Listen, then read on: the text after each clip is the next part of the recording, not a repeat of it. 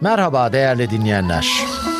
Übade bin Samit radıyallahu anh'den rivayete göre resul Ekrem sallallahu aleyhi ve sellem Efendimiz şöyle buyurmuştur. Yeryüzünde hiçbir Müslüman yoktur ki herhangi bir dua ile dua etsin de Cenab-ı Hak ona istediğini vermesin veya o duasına mukabil bir kötülüğü ondan men etmesin buyurdu. Cemaatten biri öyleyse çok dua ederiz dedi. Peygamber Efendimiz de Allah'ın lütfu ihsanı istediğinizden daha çoktur buyurdu. Hadisi Tirmizi rivayet edip hadis hasendir, sahihtir demiştir. Efendim, dua. Allahü Teala Müslümanların bütün dualarını kabul eder. Bunu akıldan çıkarmadan yaşamak lazım. Allah'tan istediğimiz hiçbir şey geri çevrilmez. Ama bunun birinci şartı bizim gerçekten onu Allah'tan istememizdir. Şimdi gerçekten istememizdir, onu istememizdir, Allah'tan istememizdir. Dua yoluyla gerçekten istiyor muyuz bazı şeyleri? Mesela işte hayatımızın ancak o istediğimiz şeyle devam edebileceğini, o olmadığı takdirde bizim hayatımızın mahvolacağını düşünüyorsak bu gerçekten istediğimiz bir şeydir. Ama biz bazı şeyler isteriz. Yani o da olsun, o da olsun şeklindedir bu. O gerçekten istenen bir şey değildir. Biz kendimizi biraz yokladığımız zaman anlayabiliriz ki gerçekten istediklerimizle fazladan istediklerimiz birbirinden ayrılır. Gerçekten istemek duanın kabulü için ön şarttır.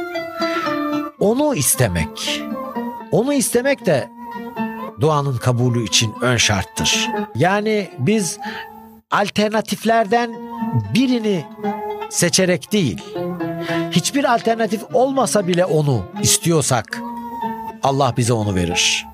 İşte şunu ıı, versin Allah, o olmazsa şu olsun, o olmazsa şu olsun diye bir skala varsa hiç beklemeyin ki duanız kabul ola. Siz gerçekten özellikle bilhassa vazgeçilmez bir biçimde onu istiyorsanız Allah sizden bunu asla esirgemeyecektir. Ama siz gerçekten bunu Allah'tan istiyor musunuz? Yani istediğiniz gerçekten Allah'tan mıdır? Yoksa dünyevi imkanları elinde bulunduran makamların, Rablerin, ilahların hoşgörüsü, güler yüzü, size olan yardımcılığı yoluyla bu işin olabileceğini de düşünüyor musunuz? Yani bunu bana verirse sadece Allah verir. Bu Allah'tan gayri özelliği olan Allah'tan uzak bir şekilde kendine güç vehmeden insan ya da başka bir kurum bunlar verir diye düşünüyorsanız o zaman da hiç duanızın kabul olacağını düşünmeyin. Dua Müslüman için olduğu kadar tüm ümmeti Muhammed için çok önemlidir. Şimdi böyle bir ayrımı niye yaptığımı soracaksınız. Bir tarafta Müslümanlar, bir tarafta bütün ümmeti Muhammed var. Evet öyledir. Yani e, biz Müslümanız ve Muhammed ümmeti olmaktan hem iftihar ediyoruz hem iftihar etmek bir tarafa yani buna şükrediyoruz. Allah'ı Allah'a hamd ediyoruz ki Muhammed ümmetindeniz. Ama bazı insanlar ve bazı canlılar ve bazı varlıklar vardır ki bunlar Muhammed ümmeti olduklarını bilmezler. Hatta bazıları olmadıklarını düşünürler. Onun için böyle bir ayrım yaptım. Ama Muhammed'in ümmeti olmaktan çıkmak diye bir şey yeryüzünde bulunup da benim itikadımca mümkün değildir. Yeryüzünde hiçbir Müslüman yoktur ki herhangi bir dua ile dua etsin de Cenab-ı Hak ona istediğini vermesin. Bu insanoğlunun bu dua yoluyla, isteğini belirtme yoluyla çok önemli bir değişime yol açtığının haberidir.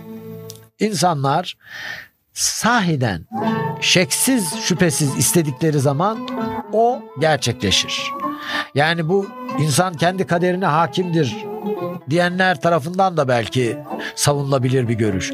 Ama Müslimle gayrimüslim arasındaki fark burada o istek yoluyla, dua yoluyla gerçekleşen şeyin gerçekleştiricisinin Allah olup olmadığı yolundadır. Yani Müslümanlar Allah'tan isterler ve Allah onlara verir. Ben Allah'tan istedim ama Allah vermedi. Böyle bir şey söz konusu değildir. Bu istemeyi bilmemekle alakalı bir şeydir ya da ne istediğini bilmemekle alakalı bir şeydir ya da kimden istediğini bilmemekle alakalı bir şeydir. Bakınız hadis-i şerifte diyor ki Allah insanlara ya istediğini verir veya o duasına mukabil bir kötülüğü ondan men eder. Yani dua sadece dua olmaklığı yüzünden bir değer sahibidir. Yani sen bilmezsin. Sanırsın ki Allah sana istediğini vermedi. Halbuki gerçekleşen şudur. Sen onu istedin diye, sen onu Allah'tan istedin diye Allah senin üzerinden bir kötülüğü kaldırmıştır. Sırf dua ettiğin için. Yani sırf Allah'tan istediğin için. Ama sen hiçbir zaman bilemezsin ki Allah senin o istediğini yapmamakla sana büyük bir lütufta bulunmuştur. Yani bir kötülüğü senden kaldırmıştır. O yüzden bütün mesele bizim dua etmeye hazır olmamızla alakalı bir şeydir ama istediğimizi Allah'tan istediğimizi bilerek. Bunu özellikle modern hayat içinde işçi işveren ilişkisi içinde rahatlıkla görebilirsiniz. Yani hiç kimsenin rızkını Allah'tan başkası vermez. Onun için insan e, rızkından memnun ise Allah'a hamd etmelidir. Rızkından memnun değilse rızkından memnun olmaya çalışmalıdır. Çünkü ona onu veren gene Allah'tır. Nitekim asıl saadette de insanlar bu konuda duanın kabulü konusunda bugün yaşayan insanlara çok benzer bir yaklaşım içinde cemaatten biri öyleyse çok dua ederiz demiş. Acaba bununla neyi kastetmiş? Yani biz o kadar çok dua ederiz ki her şeyimizi, her işimizi duayla yürütürüz mesela. Böyle bir şey demiş olabilir. Bu da çok aslında akıl dışı bir şey değil. Çünkü Resulullah sallallahu aleyhi ve sellem de Allah'ın lütfu ihsanı istediğinizden daha çoktur buyurmuştur. Yani siz aslında Allah'tan çok şey istedim diye bir zavallılığa, bir akıl fukaralığına kapılmayın. Allah'tan isteyin, sadece Allah'tan isteyin, her şeyi Allah'tan isteyin. Çünkü sizin düşündüğünüzden çok daha fazlasını vermeye onun gücü yeter.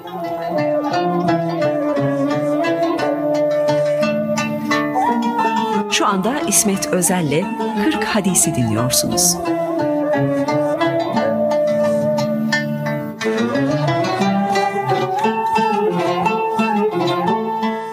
Dua meselesi hayatımızın hayat olması için, insan hayatının hayat olması için merkezi yerde bulunur dua meselesi.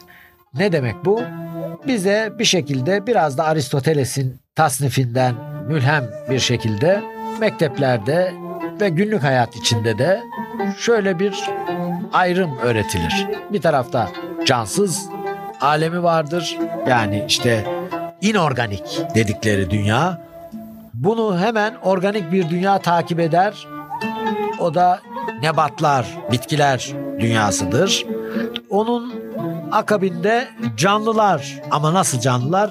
Hayvanat alemi vardır ve bunun daha yukarısında da insan yer alır. Yani bir şekilde bu basitten bileşiğe doğru giden bir e, tasnif yapılır. Tabii biyolojide son zamanlardaki e, gelişmeler organik hayatla inorganik hayatın o kadar kolaylıkla birbirinden ayrılamayacağını söyler ama biz günlük gözlemlerimiz içinde gerçekten cansız varlıklar, canlı varlıklar diye bir ayrımı yaşarız. Hemen gözümüzle bitkilerin canlı olduklarını çünkü işte bir hareket içinde oldukları nasıl bir hareket? Mesela büyüme gibi, meyve verme gibi, işte gene bunun sonunda da ölme gibi. Böyle bir canlı işte yani canlı olmasaydı ölmeyecekti deriz bitkinin. Şimdi dua meselesinde bu tasnifi anlamak daha doğrusu e, bu tasnifi kabul ettiğimiz zaman duanın ne kadar yerli yerine konabileceği fark edilebilir. Şimdi cansız varlıklar dediğimiz dünyada o cansız varlığın varlığıyla duası birbirine bitişiktir. Bunu birbirinden ayırmak mümkün değildir. Yani cansız varlık bir türlü başka bir davranış gösteremez. Neden başka? Kendi dışındaki unsurların ona uyguladıkları güçten başka bir davranış biçimi ortaya koyamaz canlı canlı varlıklar. Yani bir taşı bırakırsanız düşer. İşte su buharlaşır belli bir ısıda. Yani cansız dediğimiz varlıklar dış şartların değiştirilmesi kendi istekleri doğrultusunda değiştirilmesi yönünde bir imkana sahip değildirler.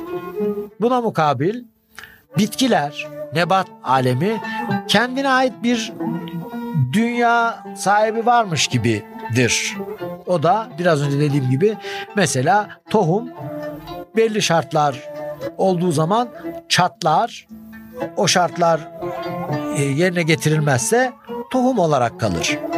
İşte o tohum eğer toprakta çatlarsa bir kısmı kök oluşur, bir kısmı efendim sap olur, yaprak açar, çiçek açar vesaire. Bitki için böyle bir hareket var. Yani bir şekilde bitkinin duası kendi varlığının değişimine açıktır. Yani bitki büyümeyi isteyebilir.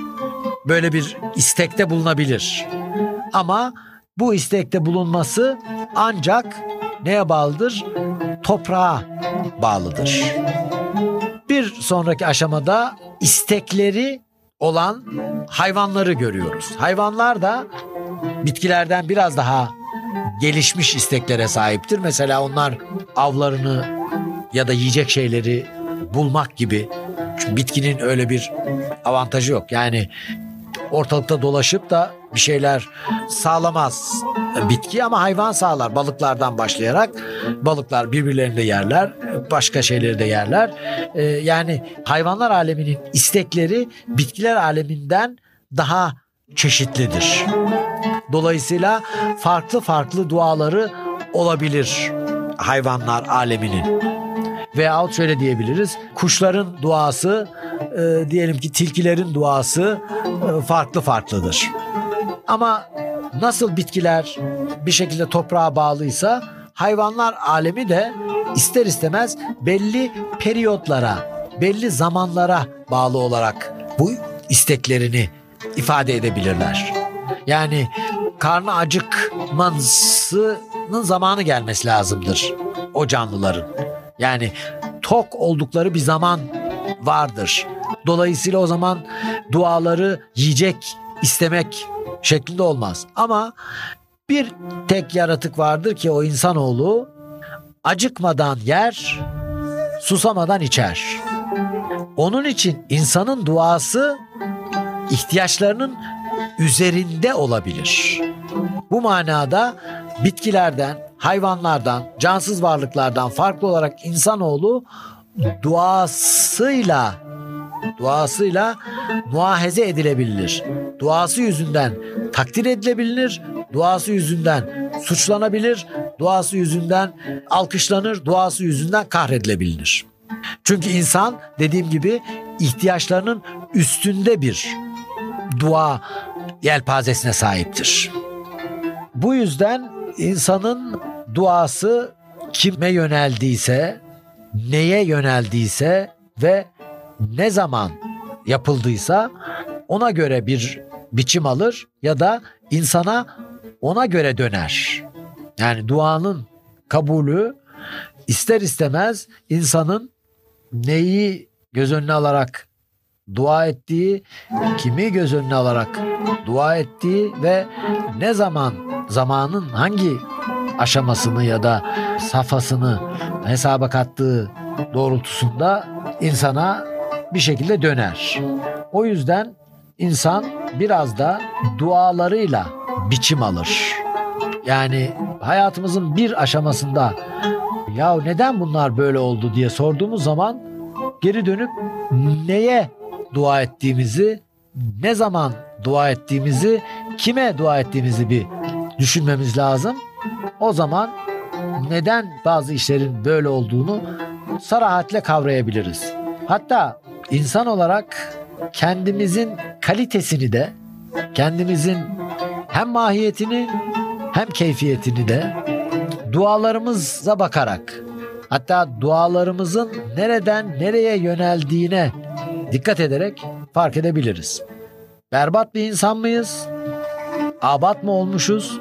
Ya da bizim abat olmuş gibi gördüğümüz şey berbat oluşumuzun resmi midir?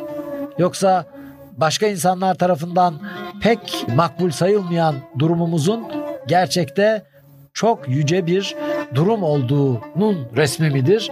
Bunu biz dualarımızdan, dualarımızla varlığımız arasındaki ilişkiden fark edebiliriz, çözebiliriz. Ee, o yüzden Allah'ın lütfu ihsanına yüz çevirmeyen insanlardan olmayı Allah bize nasip etsin deyip bu duayla programa son verelim. Hoşçakalın.